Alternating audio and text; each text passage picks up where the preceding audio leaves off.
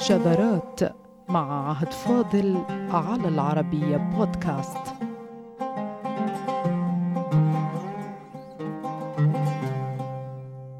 شاعر ودبلوماسي عربي وقف أمام ملك القراصنة الفايكنج وتغزل بملكتهم وهم القوم المشهورون بالإغارات البحرية وصاروا أسطورة من الأساطير. التي لا تزال السينما العالمية مهتمة بعرضها أفلاما في الصالات. إن العربي الذي قيض له أن يواجه الفايكنج هؤلاء سياسيا وفي عقر دارهم هو شاعر وحكيم وشخص شهد له الجميع من المؤرخين وغير المؤرخين بالذكاء والدهاء واللطف وسرعة البديهة وبأن سفارته صارت افتتاحا لما سمي فيما بعد بالعشق السياسي.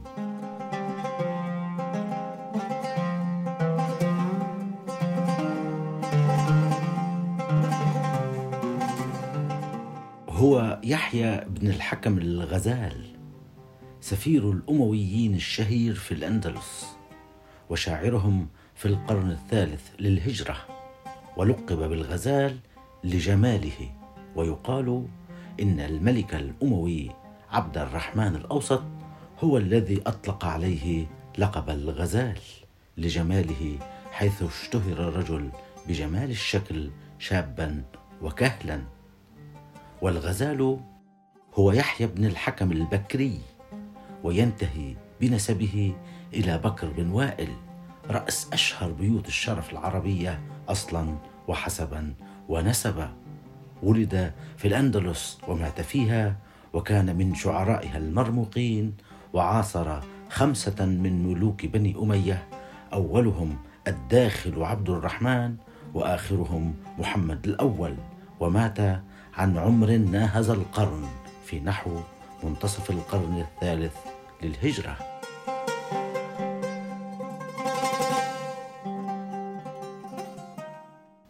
سيرة الغزال ليست كأي سيرة.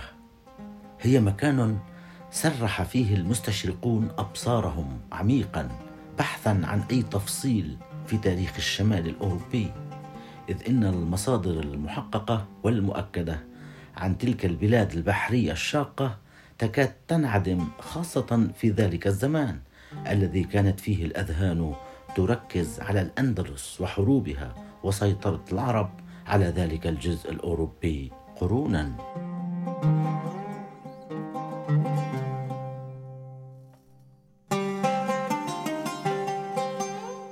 إنما مع سيرة الغزال فالمؤرخ والسينمائي والكاتب والشاعر والباحث والمهتم سيكونون جميعا على موعد نادر مع قصة الفايكنج وحياتهم وملوكهم وأرضهم وثقافتهم ولغتهم وآدابهم. ينفرد العرب على وجه التقريب بتقديم جزء عزيز من تاريخ أولئك القراصنة الذين دوخوا الأطلنطي وبلدان أوروبا ومنها إسبانيا التي كانت واقعة تحت الحكم العربي.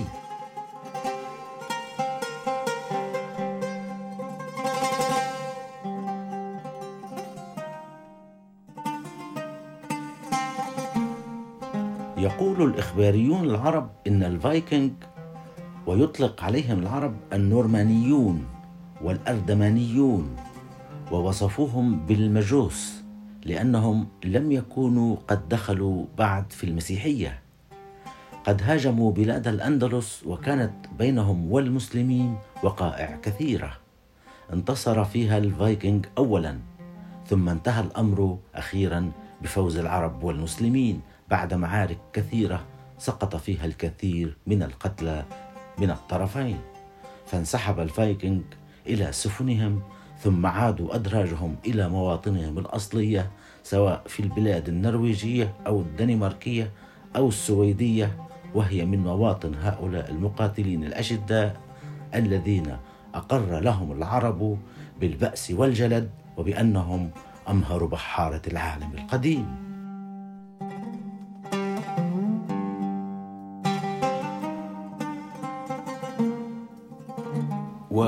يتحدث تفاصيل الإخباريين المسلمين عن أن أمير الأندلس عبد الرحمن الثاني لم يكتفي فحسب بالانتصار على الفايكنج بل قام بتعزيز خطوط المواجهة البحرية وبقصف سفن الفايكنج بالمنجنيق فدمر لهم عدد كبير من السفن وهي راسية فهزمهم العرب في البحر من دون ركوبه فازدادت مناعة الأندلس وأغلق الباب بوجه طموح القراصنة العظام من تكرار محاولة غزو الأندلس وهي تحت راية بني أمية.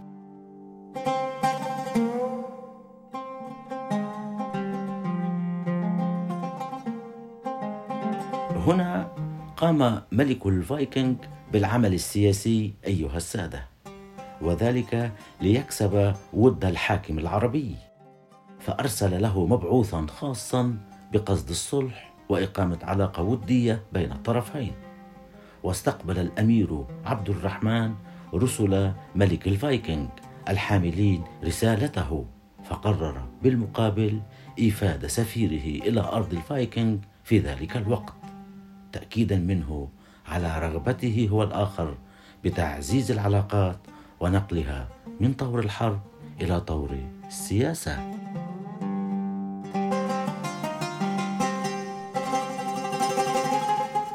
يحيى بن الحكم الغزال يستعد ليدخل التاريخ من أكثر أبوابه غموضا فلقد وقع عليه الاختيار ليكون سفير الملك العربي ليمخر عباب الأطلنطي ويدخل أرض الفايكنج لرد الزيارة بالزيارة ولاعلان نية وقف الحرب وإقامة أفضل العلاقات ويختلف في المكان الذي رسى فيه.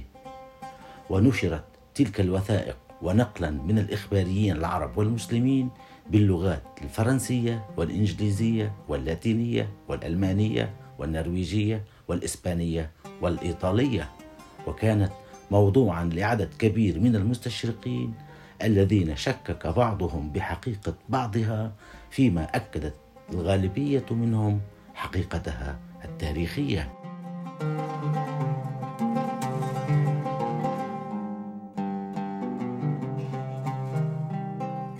والسؤال هنا أيها السادة لماذا وقع اختيار الملك الأموي على الغزال ليكون سفيرة؟ بحسب بعض الإخباريين العرب فإن الغزال كان حكيما ويمتاز بحدة الخاطر وبديهة الرأي وحسن الجواب والدخول والخروج من كل باب كما يرد في وصفه بكتاب المطرب في أشعار أهل المغرب وهي من أهم الصفات التي دفعت بالأمير لاختياره سفيرا له إلى جانب الثقة بشخصه وولائه بطبيعة الحال.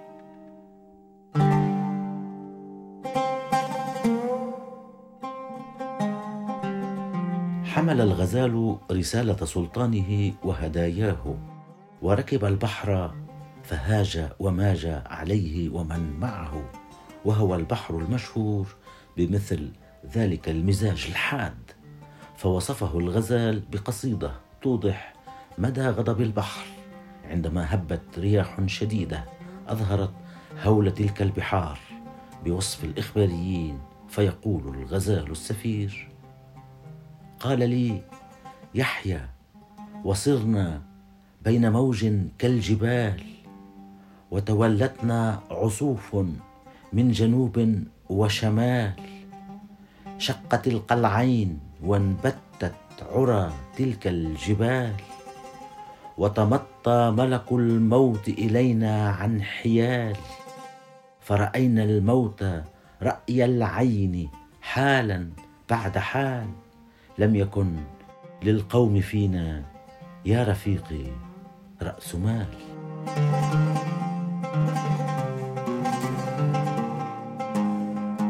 وبين غضب البحر وسكونه وصلت الرحلة إلى منتهاها ولحظات وسيكون سفير السلطان الأموي في ديار الفايكنج وسيكون مرحبا به ايما ترحيب.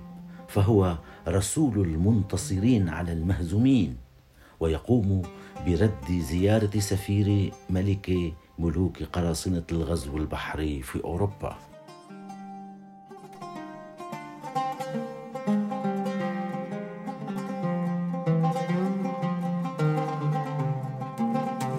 وعلى ما يرى معاصرون فإن ملك الفايكنج استعجل لقاء سفير المسؤول العربي الأعلى في الأندلس.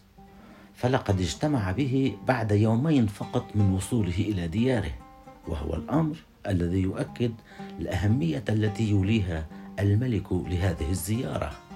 فقد قيل إن بعض الضيوف ينتظرون أحيانا أكثر من شهر للقائه إلا مع موفد ملك الأندلس. فقد استعجل اللقاء وتركه يومين فقط ليرتاح من عناء ركوب البحر الذي كانت أمواجه كالجبال كما وصفها السفير الغزال.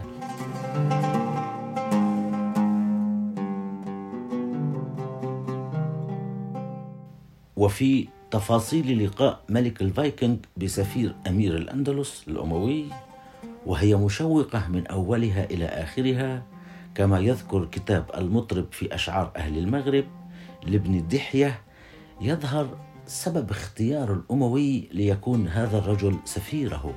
فالفطنة والذكاء والتحسب وحسن التدبير من أهم سماته. فقد اشترط السفير ألا يركع للملك لحظة الدخول عليه. ووافقوا له على ذلك إلا أنهم تحايلوا عليه في باب الملك فجعلوا السقف واطئا كي يضطر للانحناء والركوع لحظة دخوله. وهنا تصرف الدبلوماسي بمهارة وجرأة.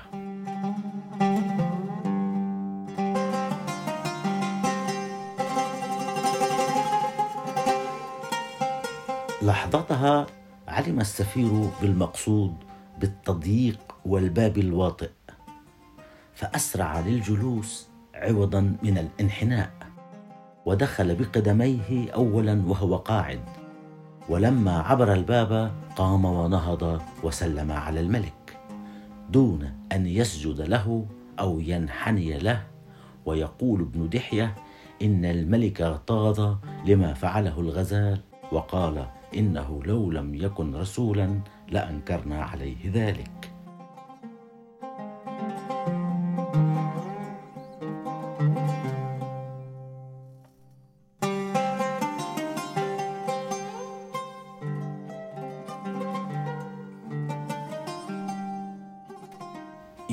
الخبر إن الزينة العسكرية التي تقصد الملك أن يبهر بها السفير العربي لم تؤت أكلها كما أكد ابن دحية فقال والملك قد أعد له في السلاح والزينة الكاملة فما هاله ذلك ولا ذعره بل قام ماثلا بين يديه فقال السلام عليك أيها الملك.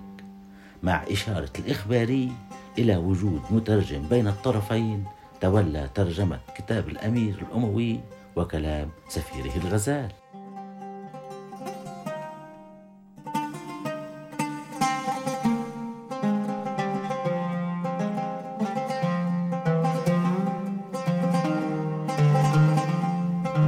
قصة هذا الدبلوماسي كانت عجيبة.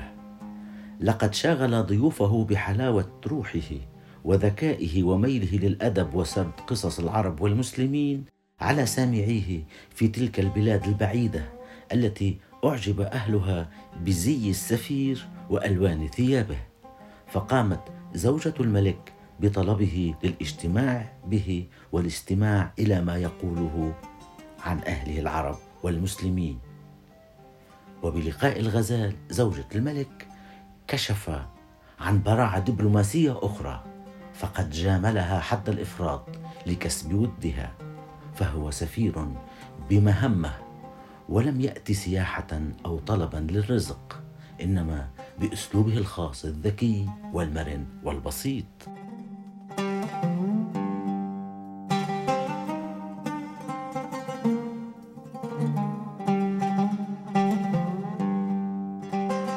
أول ما فعله الغزال التصديق الشديد بوجه زوجة الملك يقول ابن دحية.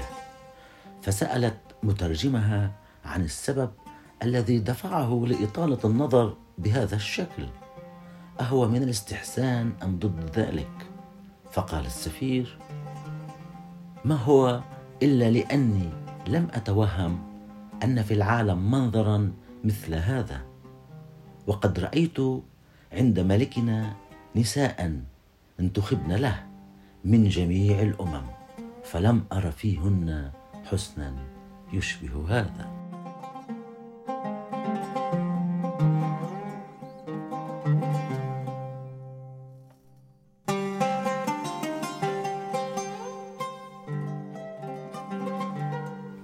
طبعا وهنا فالمتحدث مشهور بالجمال هو الآخر ولقب بالغزال لذلك. فضلا من تمثيله أمير الأندلس المنتصر. فسيكون لكلامه وإطرائه اثر ضخم. فسألت الملكة مترجمها إذا ما كان مجدا أم هازلا في كلامه؟ فأكد لها أنه مجد. فسرت سرورا عظيما يقول المصدر التاريخي.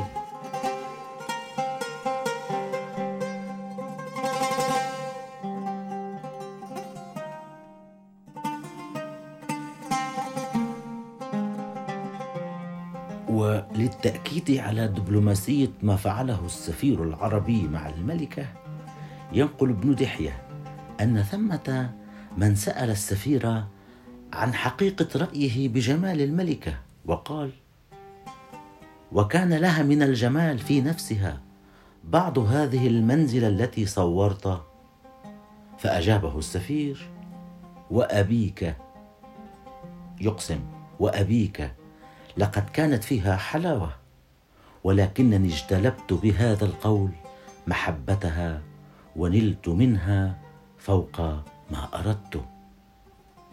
وما ناله هنا كان في السياسة إذ يقول معاصرون إن العلاقات التجارية بين الأندلس والفايكنج تحسنت بعيد ذلك اللقاء الدبلوماسي المطول فوصفوا ما فعله مع الملكة بأنه نوع من العشق السياسي. منطلقا من شخص المرأة لخدمة بلاده الأندلس حيث نجح بمهمته وعاد مظفرا إلى أميره الأموي.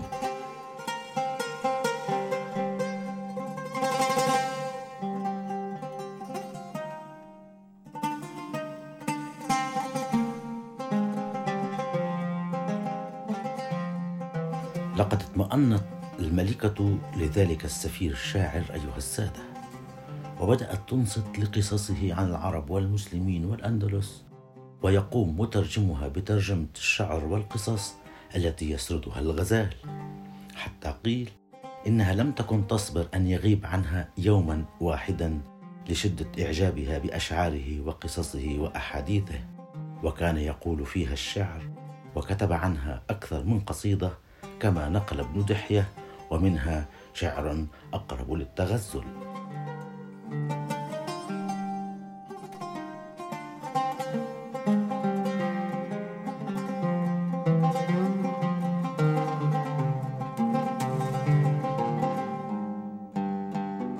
ويقول الشاعر السفير للغزال في ملكة الفايكنج ويرد اسمها على أنه نود وهناك أسماء كثيرة أخرى. يقول كلفت يا قلبي هوى متعبا غلبت منه الضيغم الأغلب إني تعلقت مجوسية تأبى لشمس الحسن أن تغرب أقصى بلاد الله لي حيث لا يلقى إليها ذاهب مذهبا ينود يا روح الشباب التي تطلع من أزرارها الكوكبة. يا بأبي الشخص الذي لا أرى أحلى على قلبي ولا أعذب. إن قلت يوما إن عيني رأت مشبهه لم أعد أن أكذب. فاستضحكت عجبا بقولي لها وإنما قلت لكي تعجبه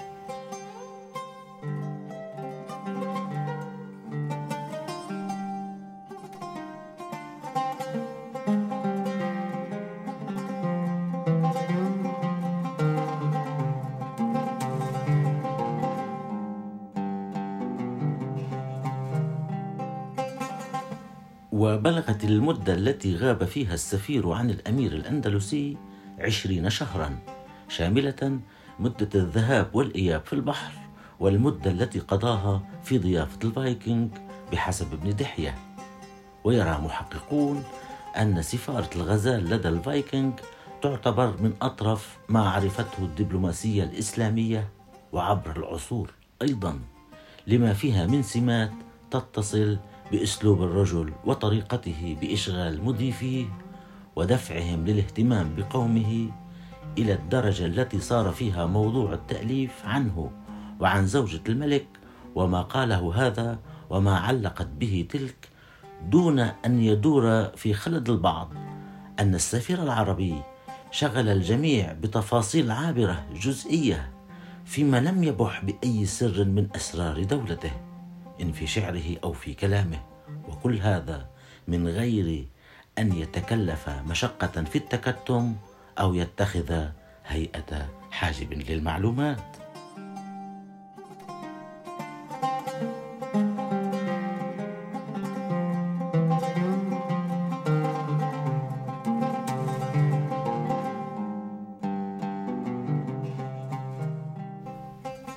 وعاش الغزال نحوا من مئة سنة.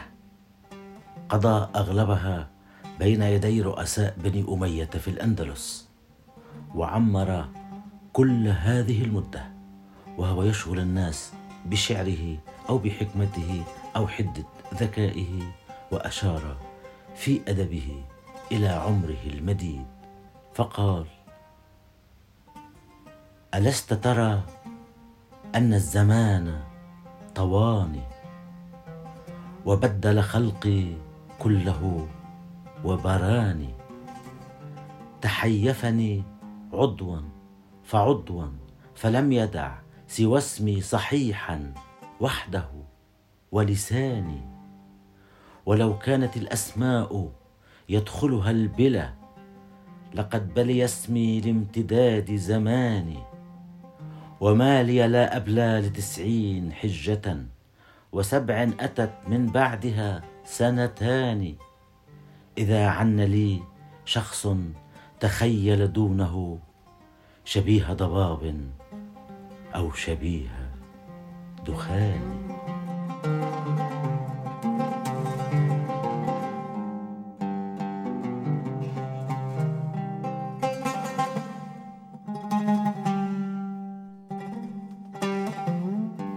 لكن لا لم يكن شبيه دخان ولا شبيه ضباب. هذا الدبلوماسي العربي القديم سفير عرب الأندلس إلى الفايكنج فقد حفظ في الشكل غزالا وفي الشعر فحلا وفي السياسة داهية وفي الوفاء لأهله. آية تتناقل بين كتب التصنيف العربي والغربي من جيل إلى جيل.